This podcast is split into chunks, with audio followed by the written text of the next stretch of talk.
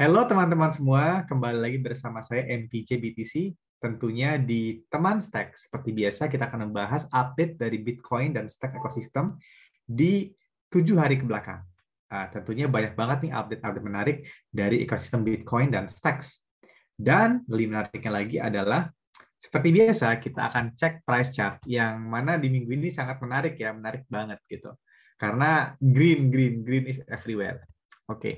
Yang pertama datang dari Bitcoin, yang mana Bitcoin dibuka di minggu lalu di sekitar tanggal 26 itu di angka 21,03 ribu dolar yang mana sempat spike gitu ya sampai mungkin di angka 24 ribu dan sekarang ini kurang lebih di hari ini tercatat di angka 22.700 dolar.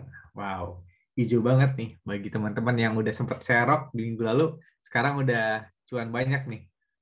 Oke, nah untuk stack sendiri ini juga sama ya, ikut pola-pola dari Bitcoin yang mana dibuka di minggu lalu di angka 0,39 dolar dan sempat spike di angka 0,46 sekian, hampir 0,47.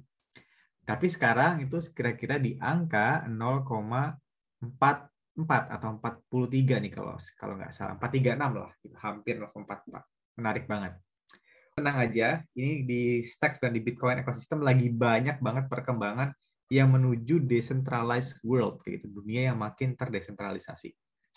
Oke, apa aja? Yuk simak.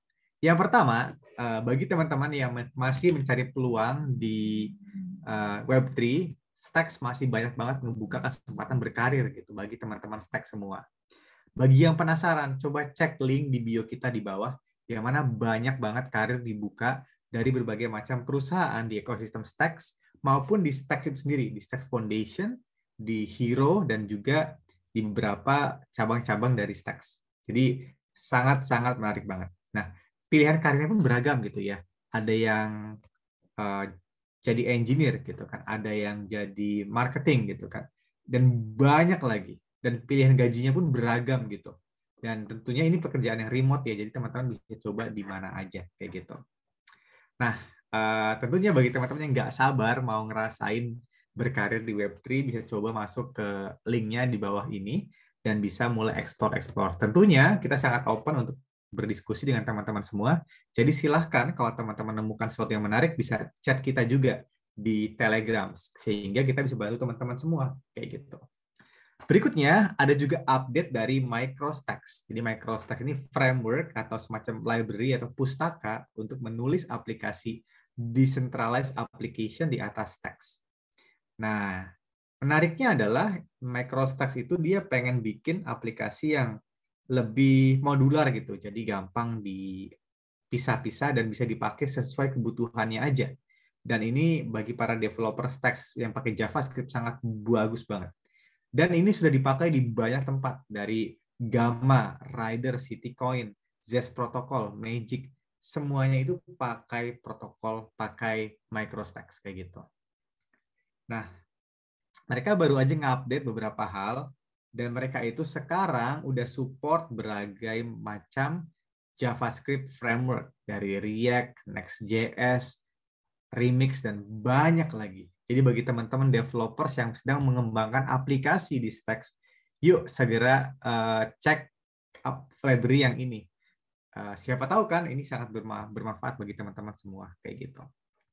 Oke, berikutnya lagi adalah uh, kabar menarik dari uh, Amerika gitu. Jadi mereka lagi ngeluarin ini ya undang-undang uh, kripto atau crypto bill gitu yang lagi di mau diluncurkan sama Senat dari Amerika kayak gitu kan namanya Virtual Currency Tax Fairness Act tujuannya itu untuk memotong pajak gitu kan pada transaksi kecil di kripto gitu kan hingga 50 dolar. Nah, saat ini pemerintah US itu memperlakukan kripto sebagai investasi bukan pembayaran. Sehingga kita harus bayar pajak nih kalau kita ada menukar atau penjualan kripto. Nah, karena kebijakan baru ini gitu kan eh, ini sangat baik ya karena nantinya uh, kripto ini jadinya komoditas aja gitu, bukanlah suatu investasi kayak gitu.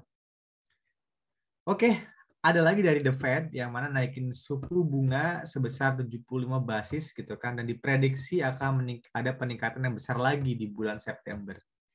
Jadi ini kondisi makroekonomi lagi kurang bagus ya di mana-mana dan uh, apa ya berdampak juga ke market kripto gitu. Nah, The Fed juga menghentikan beberapa arahan gitu kan uh, tentang suku bunga ini. Nah, karena masalahnya gini sekarang. Uh, jadi apa ya target GDP-nya dengan uh, inflasinya tuh kayak nggak imbang kayak gitu ya sekarang terjadi itu. Saya nggak ngerti banget masalah makroekonomi ya, tapi yang jelas itu uh, kalau ada uh, apa namanya inflasi gitu kan, artinya uh, the Fed atau central bank printing money gitu kan, kalau nggak diimbangi dengan GDP yang meningkat itu ntar nggak imbang gitu. Nah, nah sekarang kejadiannya adalah kayak perkembangan ekonominya menurun, tapi uh, inflasi juga ada gitu. Jadinya ini sangat nggak imbang kayak gitu sih. Jadi bakal bakal hit hard banget ya gitu.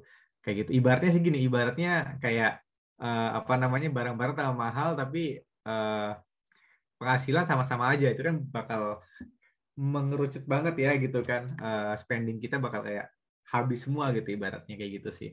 Nah ini juga saya rasa terjadi di banyak tempat, nggak cuma di Amerika. Uh, di Indonesia saya kurang di Indonesia sendiri sepertinya uh, ada dampak lah dikit-dikit. Jadi teman-teman siap-siap aja gitu kan untuk uh, kita punya apa ya ibaratnya jaga-jaga uh, nih apakah sampai dampaknya ke Indonesia kayak gitu. Seperti biasanya bukan financial advice, jadi do your own research. Nah, uh, tapi yang menarik adalah pasar kripto di Indonesia justru bagus banget. Pasar kripto di dunia lagi bagus banget nih. Tadi kalau kita lihat BTC naik 10%, Ethereum 13%, Solana 12%. STX juga sama, kurang lebih tadi ya 10 persenan gitu kan. Jadi uh, mixed feeling lah. Ya, sekarang lagi mixed feeling banget kita. Nah, berikutnya ada update dari Sam Sam Bankman-Fried SBF gitu kan yang mana ini pahlawan kripto banget nih karena dia banyak banget nyelamatin beberapa perusahaan kripto gitu kan dari misalnya Voyager gitu kan yang apa namanya uh, dapat suntikan dana nih dari SBF dari Alameda Research kalau nggak salah.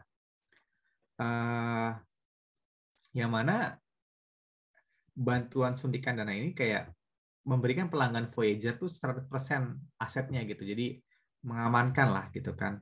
Uh, dan uh, di sini tuh apa ya uh, hal yang bagus gitu karena uh, at the same time gitu kan si Voyager ada agen-agen ekosistem konsultan gitu kan yang mana dia pengen banget memperlambat proses gitu kan uh, withdraw gitu kan. Nah kemudian uh, para konsultan itu dia dapat insentif kalau misal withdrawnya itu kayak lama. Tapi uh, apa namanya para pelanggan pengennya ya aset dia kan available every time kayak gitu sih. Nah, di sini ada mixed feeling gitu kan, yang mana di, harus uh, si Voyager-nya menjaga dari bank run gitu. Nah, untungnya dengan adanya suntikan dari SBF ini selamat kayak gitu. Karena kalau nggak selamat bisa ada ripple effect mana-mana kayak gitu sih, termasuk ke pasar kripto secara umum gitu kan.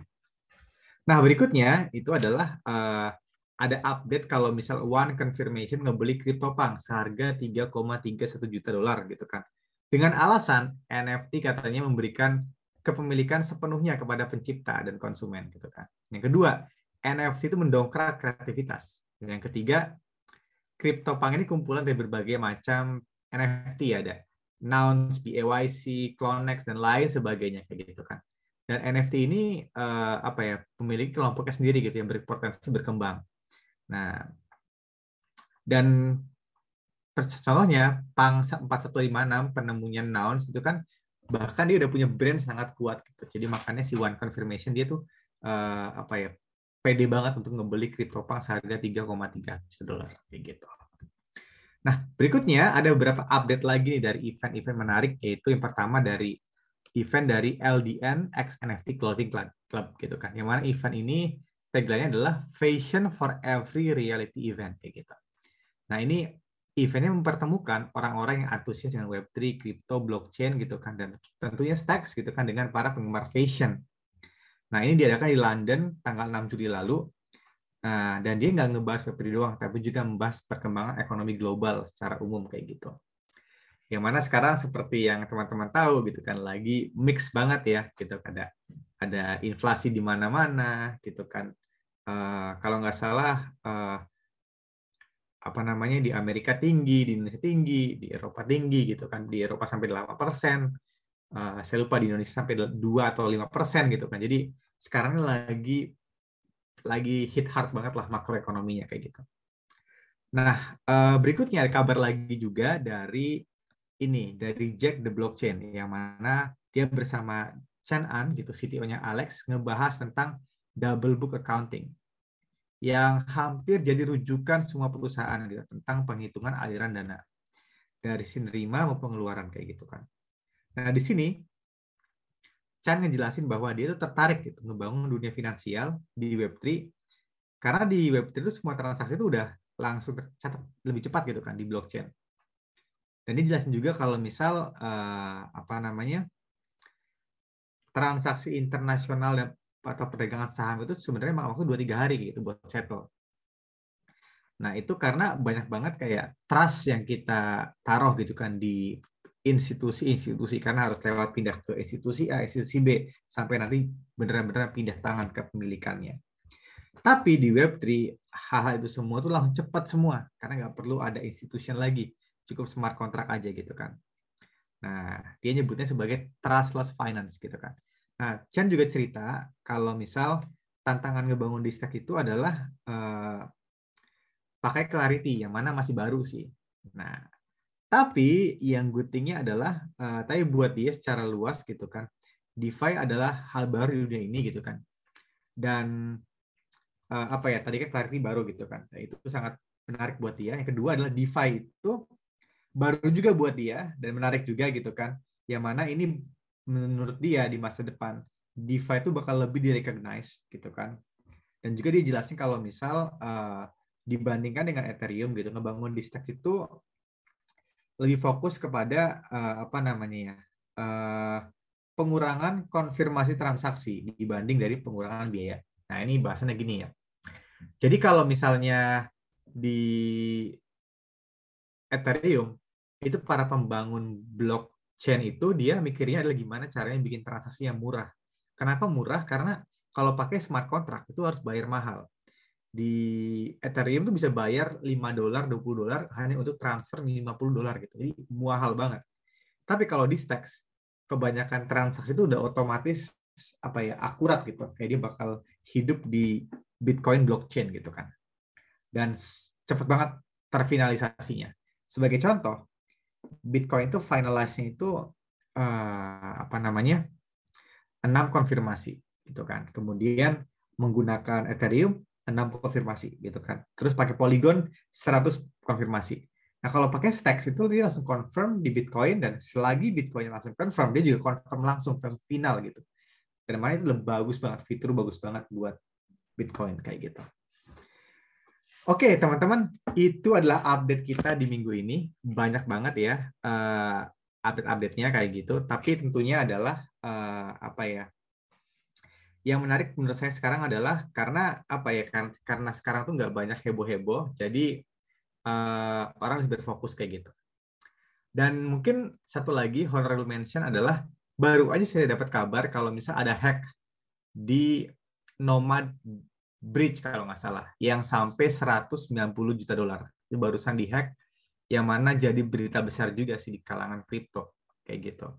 Nah, jadi bagi teman-teman yang punya apa ya dana dilewatin pakai nomad bridge silahkan dicek apakah itu masih aman atau enggak karena baru aja dihack eh, kabar terbarunya kayak gitu. Oke teman-teman, itu saja bahasan kita di minggu ini. Semoga bermanfaat. Sampai ketemu lagi di teman Stacks minggu depan. Terima kasih.